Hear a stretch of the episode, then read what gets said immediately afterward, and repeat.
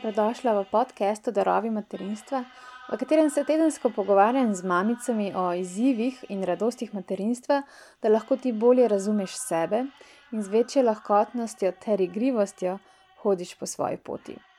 Tvoja gostiteljica sem Lara Kastelic. V današnji epizodi lahko prisluhneš pogovoru z Ano Rozman, ki je izkušnjo prve porodniške prilila v knjigo Prvo leto mama. V njej je opisala vse tiste drobne in velike stvari, ki so njeno izkušnjo naredile lepo, pa tudi zahtevno.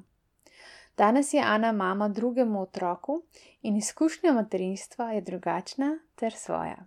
Vabljena k poslušanju. Preden nadaljujemo, bi te želela povabiti, da, okolikor si še nisi izbrala aplikacije za poslušanje tega podcasta, da to narediš sedaj in lahko izbereš naprimer Google Podcast, Spotify ali pa Anchor in boš imela potem pregled nad vsemi epizodami, in si tudi lahko nastaviš, da te aplikacije spomnijo ob izidu nove epizode. Poleg tega je potem enostavno, da na telefonu preko aplikacije prisluhneš podcastu med pomivanjem posode, med počitkom ali pa na sprehodu. In želela bi te povabiti tudi, da obiščeš spletno stran matinarava.si, kjer se lahko prijaviš na mesečni novičnik ali pa si prebereš več o knjigi in kartah Mother Nature.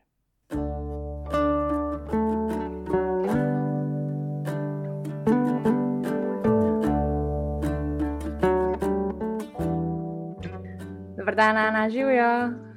Ja, živijo, Lara, živijo, živijo. Jaz sem ful vesela, da te imam danes uh, v epizodi, zato ker se po moje pogovarjava že ne štiri mesece o tem, da bi bilo ful dobro, če bi pač posneli um, ta podcast. No, in zdaj se je zgodil. Jaz si ne predstavljam, kaj se je pri tebi dogajalo v zadju, da si to splanirala, ampak uh, hvala. Ja, uh, čisti iskreno, ne. Uh, pač pri dveh otročkih uh, v uh, trenutni situaciji, a ne korona, karantena in tako, uh, je pač težko uskladiti, da imam eno uro časa, da lahko pač to posnameva uh, en spi tako, drug spi tako, lej, ni da ni, tako da super, da smo lahko danes skupaj. Sem res vesela. No? Super. Um, tako kot sem že omenila, ti si svojo prvo izkušnjo materinstva popisala v knjigi Prvo leto mama. In ker sem jaz tisto knjigo brala, sem se počutila tako na vsaki strani, tako ja, ja prav, prav tako čutila sem to iskrenost uh, tvojega doživljanja skozi tisti opis. Pa me zanima, če lahko poveš, zakaj si napisala to knjigo, kdaj si jo napisala, kaj je bil tvoj namen. Ja, um, jaz sem začela to knjigo pisati, ko je bil moj uh, prvi sin Nik, uh, star 8 mesecev. In mislim, da se je enostavno takrat, uh, do takrat, v teh osmih mesecih, v meni nabral toliko enih stvari, toliko enih izkušenj, uh, doživljanj, čustev misli, enostavno toliko stvari v osmih mesecih, da sem bila jaz polna tega, tako napolnjena. In jaz sem mogla to nekako um, dati ven, oziroma preliti ven.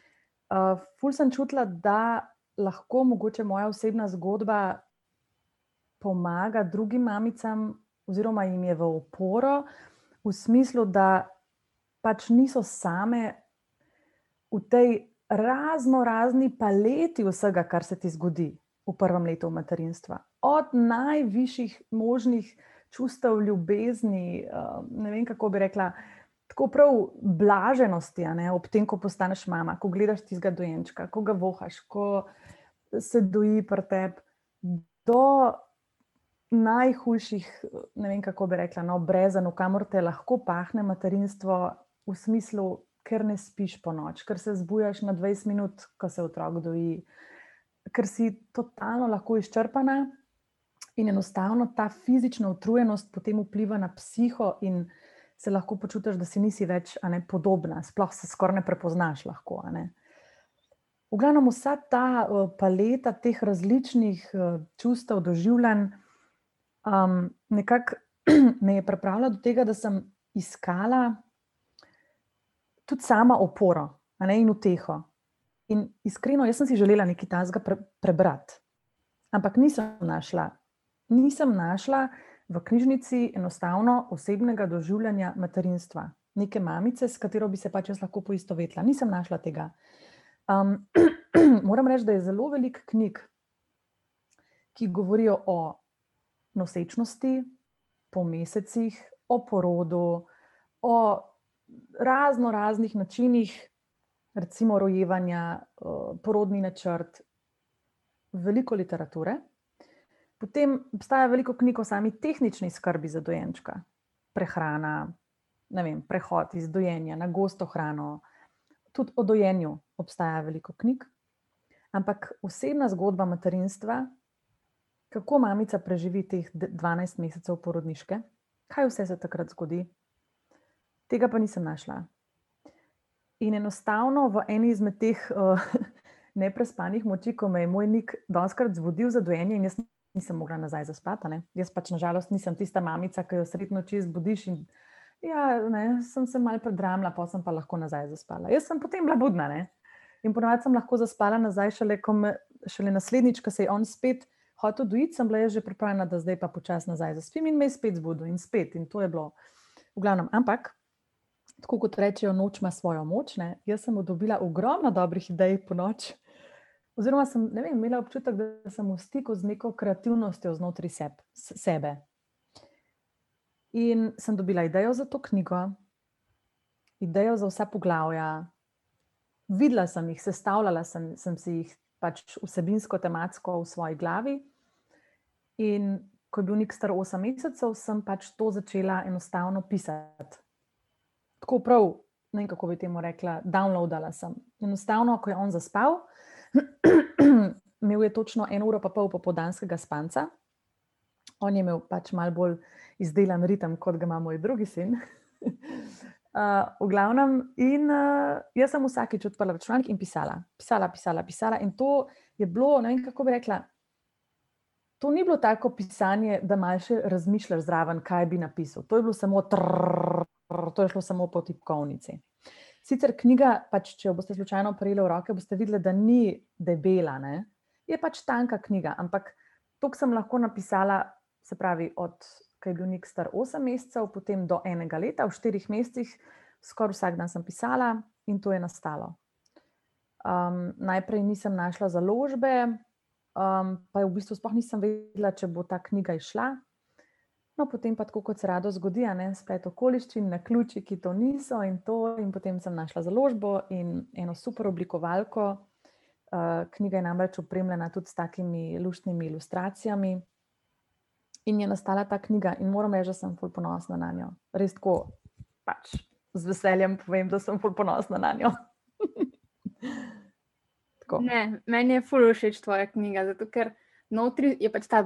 Te, So te barvni odtenki, ki se prelivajo, in se mi zdi, da prav ima tako lepo otroško energijo, kljub temu, da govori tudi ja, o vseh izkušnjah, ki si jih dala skozi. Da, ja. Ja, um, to sem si tudi nekako želela, no? se pravi, da je zraven nekako ta otroški odtis. Um, hkrati bom pa tako rekla, da sem že takrat, ko sem pisala, čutila po, domač, po domače povedano, da jaz v tej knjigi ne bom fejkala. V smislu, ali bom povedala tako, kot je bilo, ali pa ne bom povedala. Um, moram reči, da ene dele sem pač mogla, nažalost, cenzurirati, oziroma jih je cenzuriral moj mož ker je rekel, da je ja, to, to pa ne, to pa ne, to pa, to pa ne. Vse sem šel že tako preko sebe. Uh, on, on je namreč pač človek, ki ima malo bolj rad zasebnost. Tako da že to, da sem jaz pač v knjigi popisala vse od nosečnosti do uh, v bistvu njihovega prvega rojstnega dneva, ne, je bilo to že veliko za njega. Tako da ene stvari glede njega res nisem tako čista, ne, direkt povedala, ampak um, glede sebe pa. Glede sebe sem pa pač povedala, ker ker se mi zdi pomembno, da, da pač se mamice zavedajo. No? Enostavno, vsaka ima neko svojo unikatno porodno izkušnjo, um, ki te zaznamuje v pozitivnem ali pa negativnem smislu. Ta izkušnja ti da neko sporočilo, pač, če ga znaš ne slišati, in potem vse naprej.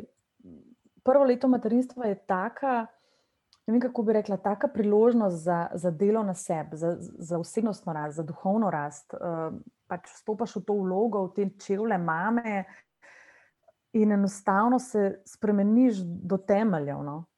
Um, in se mi zdi nekako. Želim si, da bi bilo še več takih knjig, no, če si iskreno. Zato, ker se mi zdi, da mamice takrat v tem prvem letu postavijo temelje. In je pomembno to deliti druga z drugo. Mm.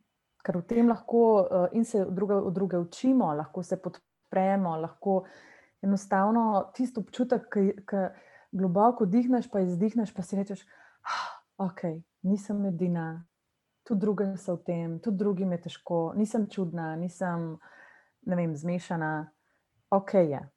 Hmm. Ja, jaz slišim zdaj tvoje povabilo, da še več žensk popiše svoje izkušnje, tako da upam, da bomo imeli še več knjig. Ja, res, res. In, in še to bom rekla. Ne? Uh, recimo, tiste, ki se mogoče malo spogleduje ne, s to idejo, da bi pač kaj zapisala, ali pa je pisanje tako zelo naraven način, um, kako bi rekla, komunikacije sama s sabo, da si malo bolj razjasni misli na ta način. Jaz sem mislila, da bo to ful teži napisati knjigo, ker se sliši tako, uh, zdaj bom pa napisala knjigo. To je pa tako, tak projekt, ki si ga ne moreš, mislim, kaj tumač. Ne. Ampak sploh ni res. Jaz sem sama sebe pretentala v smislu, ne bom si rekla, da je to ful ogromna stvar, ampak si bom rekla, da je vsako poglavje en članek. Članek. A ne vsako poglavje je zaključena celota. In uh, mi zdaj ni treba to gledati, gledati na knjigo kot na neko ogromno stvar, ki jo moram jaz zdaj ne vem kako uh, zaključiti in zapisati, in ne vem, mora biti rdeča nit. In sem šla lepo korak za korakom, in je potem to nastalo. Samo to, to si je treba dati iz glave, kako je to zdaj velika stvar. Hmm. Super. Dobar, je pa res uh, iskreno. Pač, jaz sem novinarka in, in vem, da mi je eh, zaradi tega lažje. Pač besede so moje urodje, s katerim delam. Ne? Tako da v tem smislu verjamem, da pač seveda mi je bilo lažje v tem smislu. Um, ampak se pravim, če katera čut, kakorkoli, pa se tudi ni nujno knjigo, ne? se lahko samo kakšen blog zapisal ali karkoli. Um, jaz mislim, da je bilo za me to tudi zelo terapevtsko, da sem to napisala no? in dala ven, in upam, da je še komu v pomoč. Super, da mi sem povedal, a tvojo knjigo se še da kupiti, je še na voljo ali je že razprodana? Uh, moram reči, da nekaj izvodov je še. Okay. Tako, nekaj deset izvodov od 300 uh, natisnjenih, um, je pa knjiga v vseh knjižnicah. Okay, super. Ja, no, tako. tako da uh, upam, da je ženske najdejo. Um, ja. Jaz bi se še podelila to izkušnjo, ker sem brala to, tvojo knjigo, ki je za me pač leposlovno delo. In sem jo primerjala z našo knjigo, Esenca materinstva, ki mi je tako tak mini priročnik. Sem pravzaprav videla, kako, da je tvoja tako kot ena zgodba, ne, ki se tako pač ne. In, jaz sem vsem videla rdečo nit notri. Ne, ta naša načela so pa vsem tako, eh, se mi zdi, so se tako lepla na ta tvoja poglavja in izkušnja. In, in je potem skupaj sem videla no, en tak preplet vsebinski, ampak um, vsako povedano na svoj način.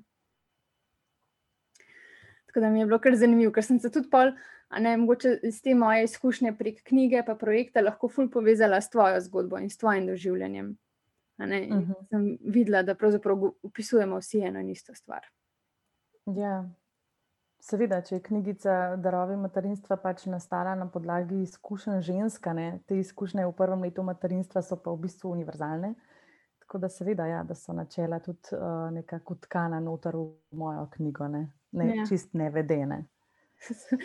ja, tako je, ja, govorimo isti jezik. Um, zdaj si, tako kot si že rekla, si pa mama drugemu sinu. Um, pa, ko smo malo imeli pogovore, uh, si mi dala slutiti, da je pa ta izkušnja drugačna od prve?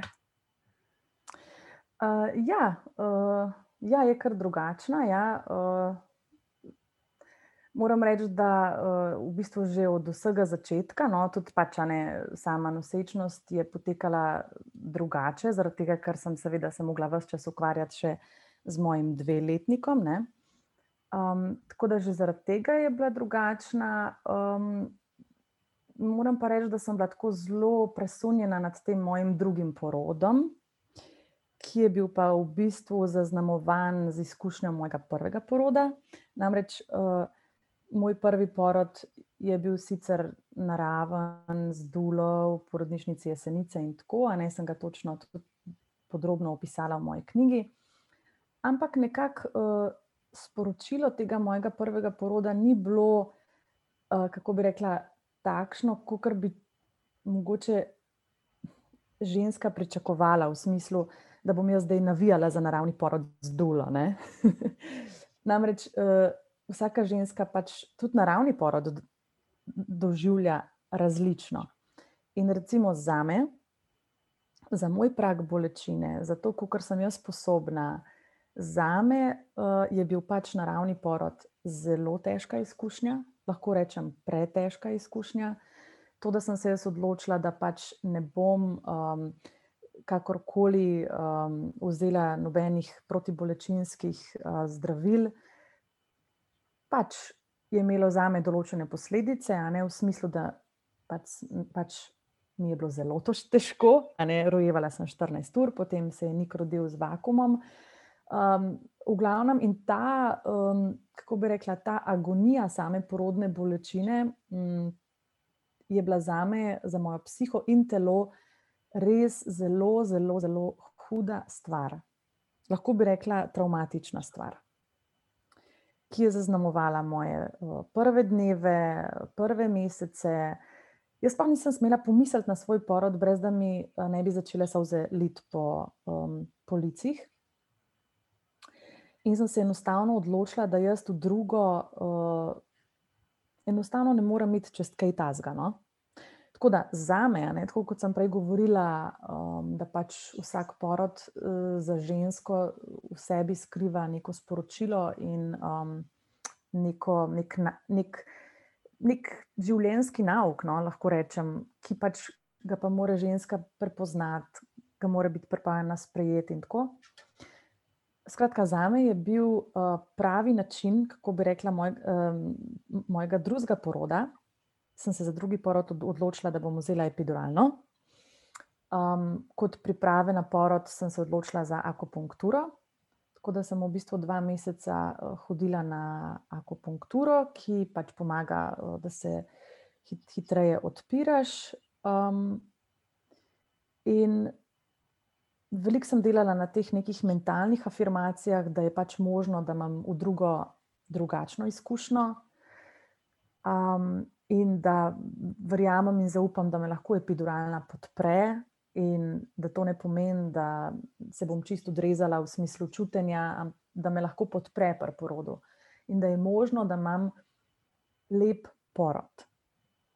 Um, to sem se zelo, tako, kako bi rekla, mentalno naštelala. In že to, kako se je vse skupaj začelo, ne pa če sem čutila popadke, pa sem rekla možu, tej peva, jaz imam popadke, sva se pelala spet na jesenice.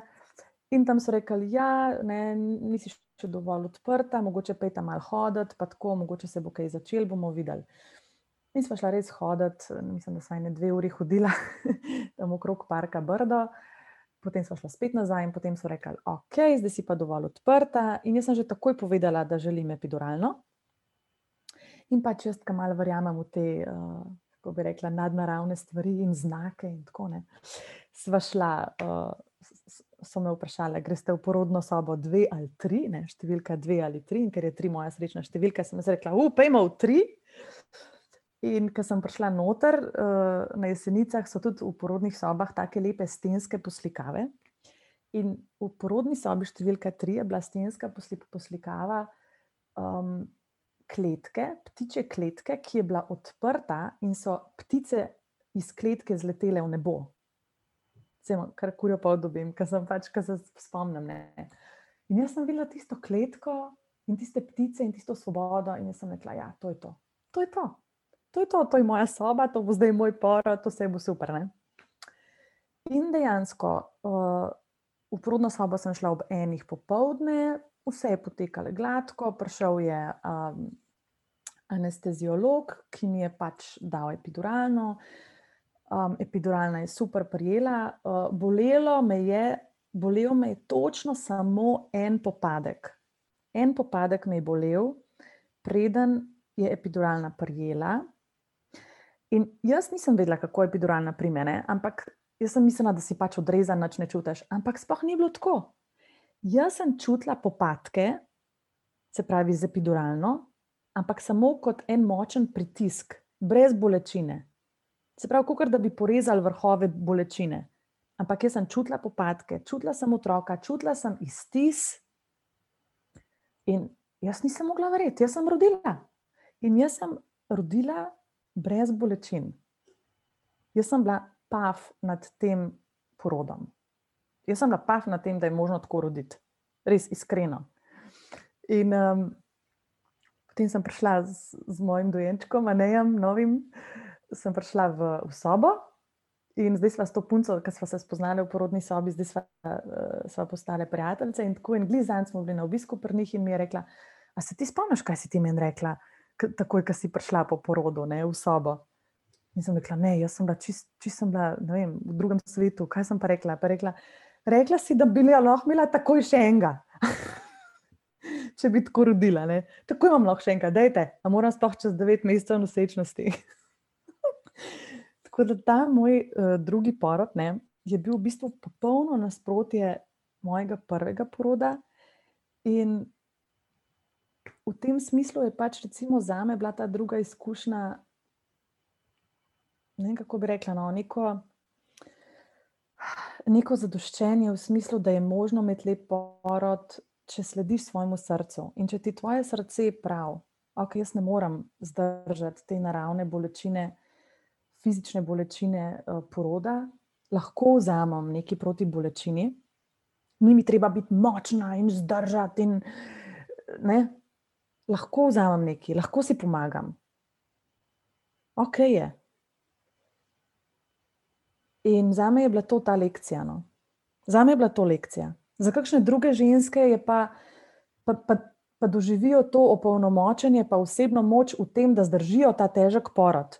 Ampak za me je bila pa moč v tem, da si rečem, da niti treba, Ana. Mm. Niti treba. Tako da, to je bila pač ta prva, uh, ne, drugačna izkušnja poroda. Um, ampak ja, potem je pa ne dal kar vetra, no, če se pač milo izrazim, zaradi tega, ker je bil pač čist drugačen dojenček, ne kot je bil Nik.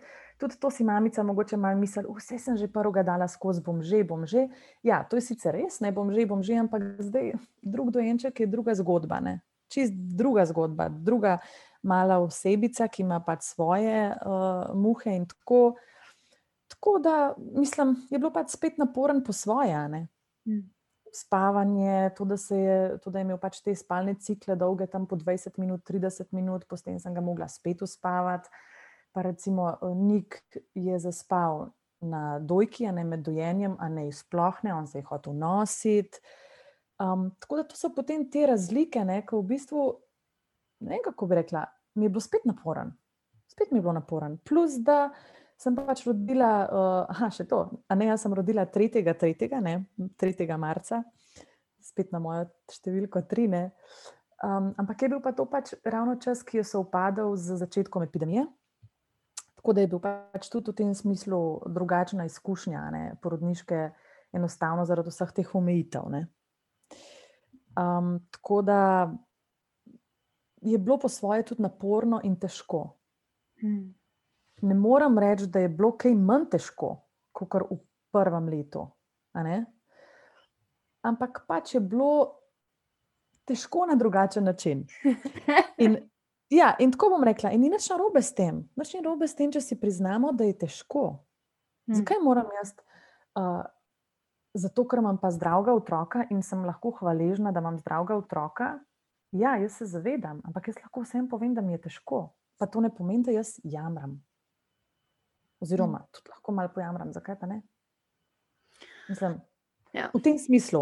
Zato se mi zdi pomembno, da mamice nekako uh, si dajo same to dovoljenje znotraj sebe.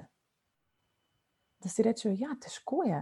Težko je se zbujati po noč, težko je skozi mešati te kašice, potem, ko otroci začnejo jesti. Težko je non-stop gledati, uh, kaj otrok dela, pa hkrati probati kaj zraven skuhati, pa gledati, da ne bo dal kaj usta, ki bo pogotnil. Um, skozi ne, ta, um, kako bi rekla, non-stop, uh, v bistvu, moraš biti malo na preži. Uh -huh. In mhm. zaradi tega je v bistvu tvoj žilčni sistem skozi malo tudi stresom, skozi uh -huh. malo zdražen. Uh -huh. Ti se lahko umiriš, pa res pustiš samo, kadar otrok spi, pa pol, če še drug spi.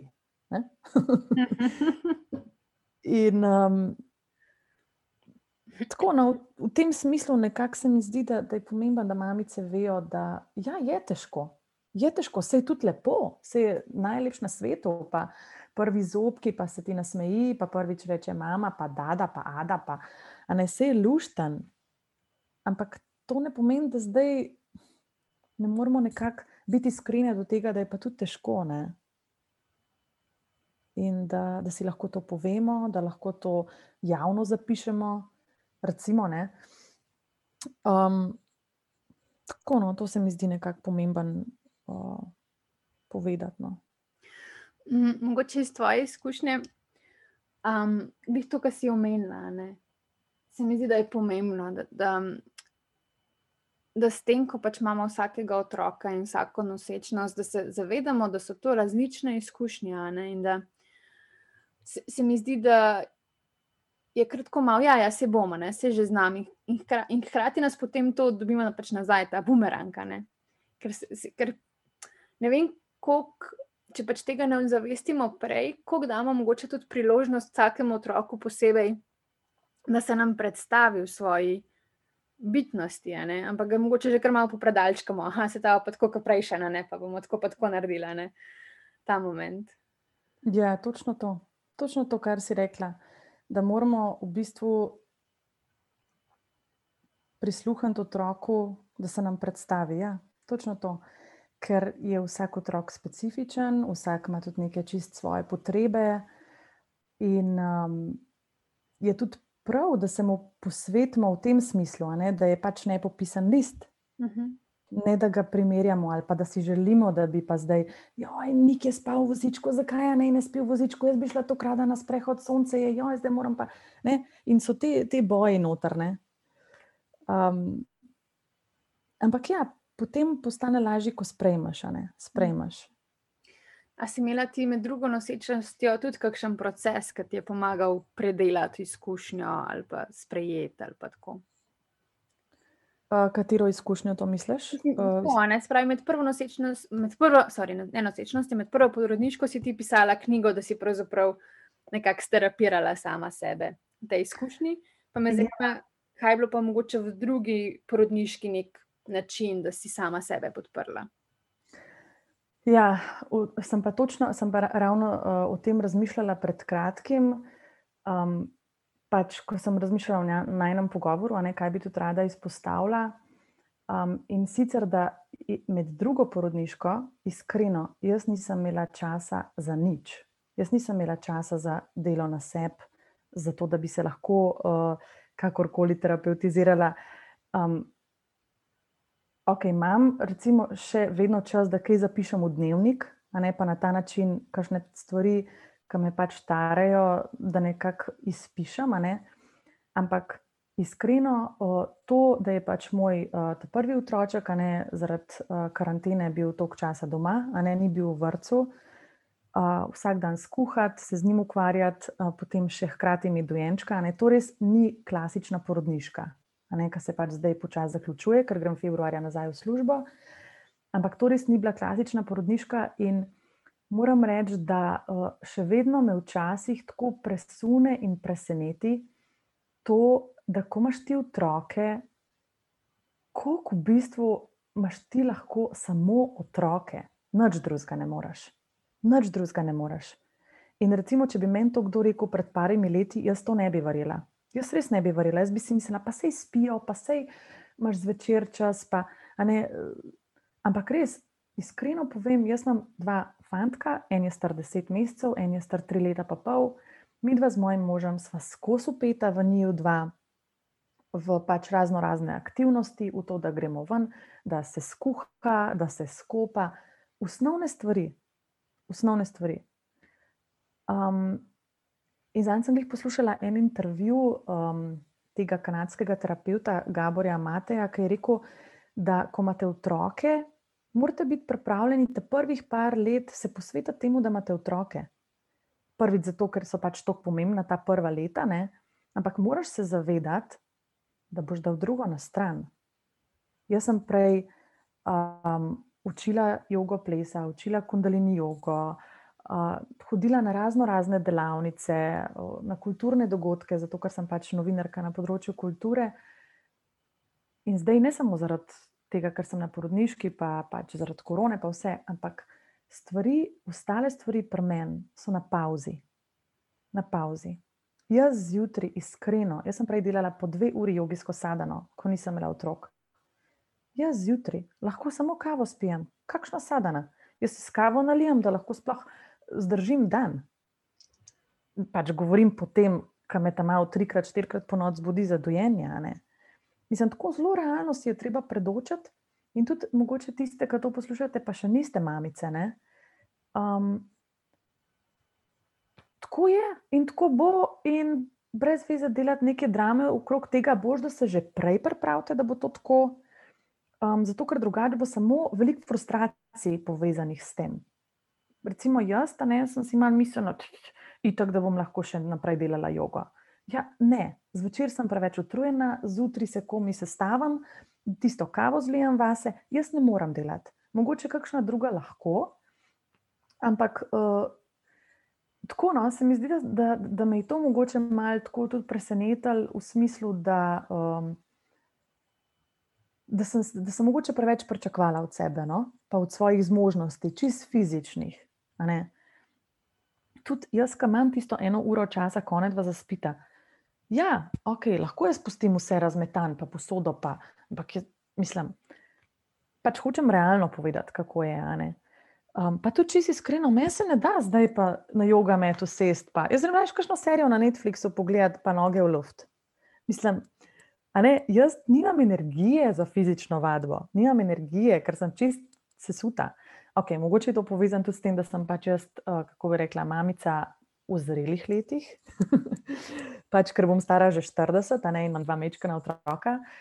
Um, ne vem, mogoče je to s tem povezano, ali pa enostavno nasplošno z mojim nivojem energije. Ker veste, da imamo različne nivoje energije, nekateri jo imajo ful in šprica iz njih, nekateri jo pa pač imamo malo manj, oziroma jo moramo zelo skrbno razporejati.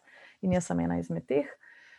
Um, tako da, um, ja, pač na tvoje vprašanje, žal, žal se nisem mogla v bistvu nikakor tako podpreti, no, da bi rekla, mislim, tiste mehke stvari, recimo, da grem jaz pod vroč tuš za ne vem, deset minut na mest tri. Ne, to je za me že, da se podprem. Uh mhm. -huh. Ali pa, ne vem, recimo, kdaj grem sama na sprehod, zdaj, ima lahko moj mož oba, ki me pač naj narab skozi. Ali pa, um, ne vem, recimo, uh, grem, grem do prijateljice na kavo, pa tudi na kratko, a ne, pol spet hitim domov. Um, moram pa se pohvaliti, da sva Eh, zato, ker ne, uh, zdaj ne vem, kako poslušalke pač poznajo, ne, to, kar ti promovira, ženske kroge in tako. Sva pa imeli pred kratkim z Romano, uh, po dolgem času spet ženski krog.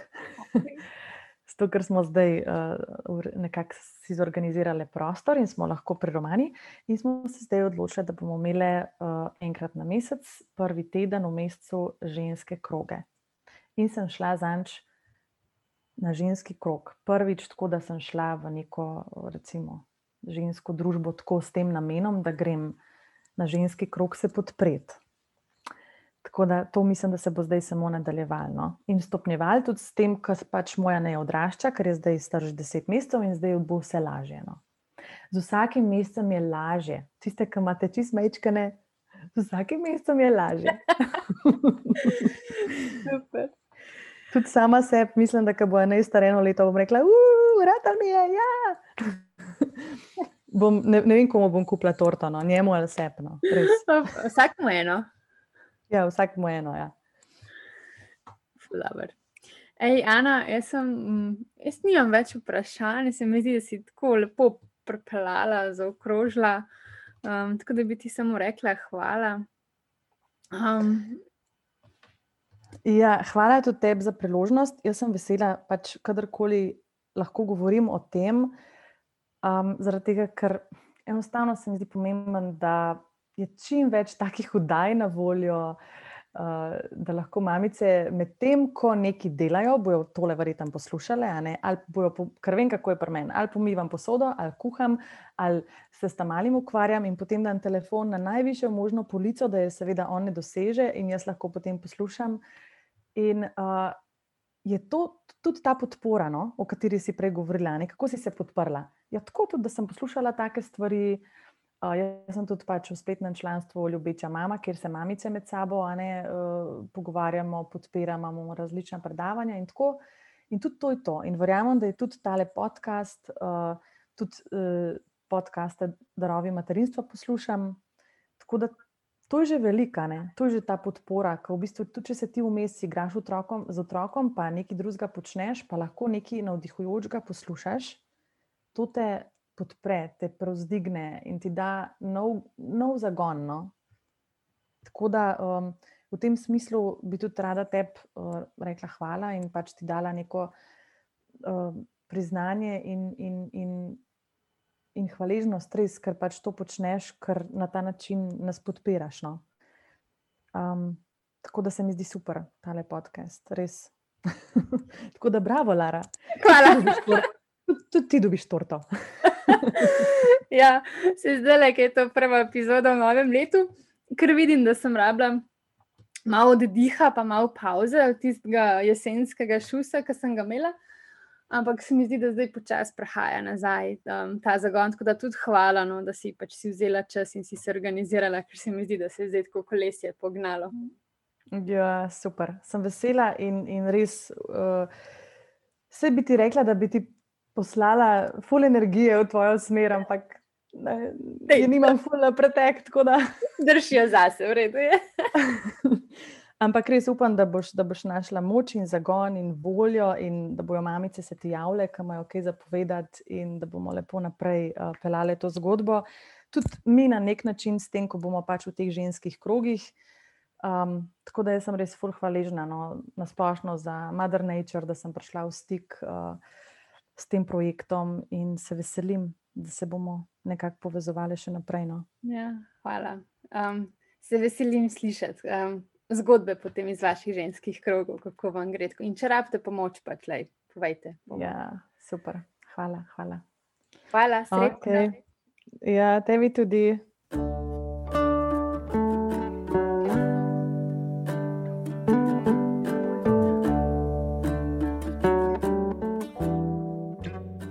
Projekt Mother Nature je plot triletnega mednarodnega sodelovanja žensk iz petih držav. Namen projekta je bil, da ustvarimo nekaj, kar bo v pomoč mamam ter strokovnjakom, ki delajo z ženskami pri ozaveščanju izkušnje materinstva. Ustvarili smo knjigo in karte Mother Nature, ki se medsebojno dopolnjujejo v opisovanju 42 načel materinstva. Ta načela niso neke znanstvene resnice, ampak spoznanja žensk, ki so bila del projekta in vključujejo vse tisto, kar so one pogrešale ali pa jim je bilo pomembno v njihovi materinski izkušnji. V knjigo je vključeno poglavje o vodenju ženskih krogov s pomočjo kart Mother Nature. In če kupiš knjigo ali karte, boš povabljena v Facebook skupino, kjer ti bom odgovorila na tvoje vprašanja, kako lahko sama vodiš svoj ženski krog, in boš bila tudi povabljena, da sodeluješ na spletnih ženskih krogih.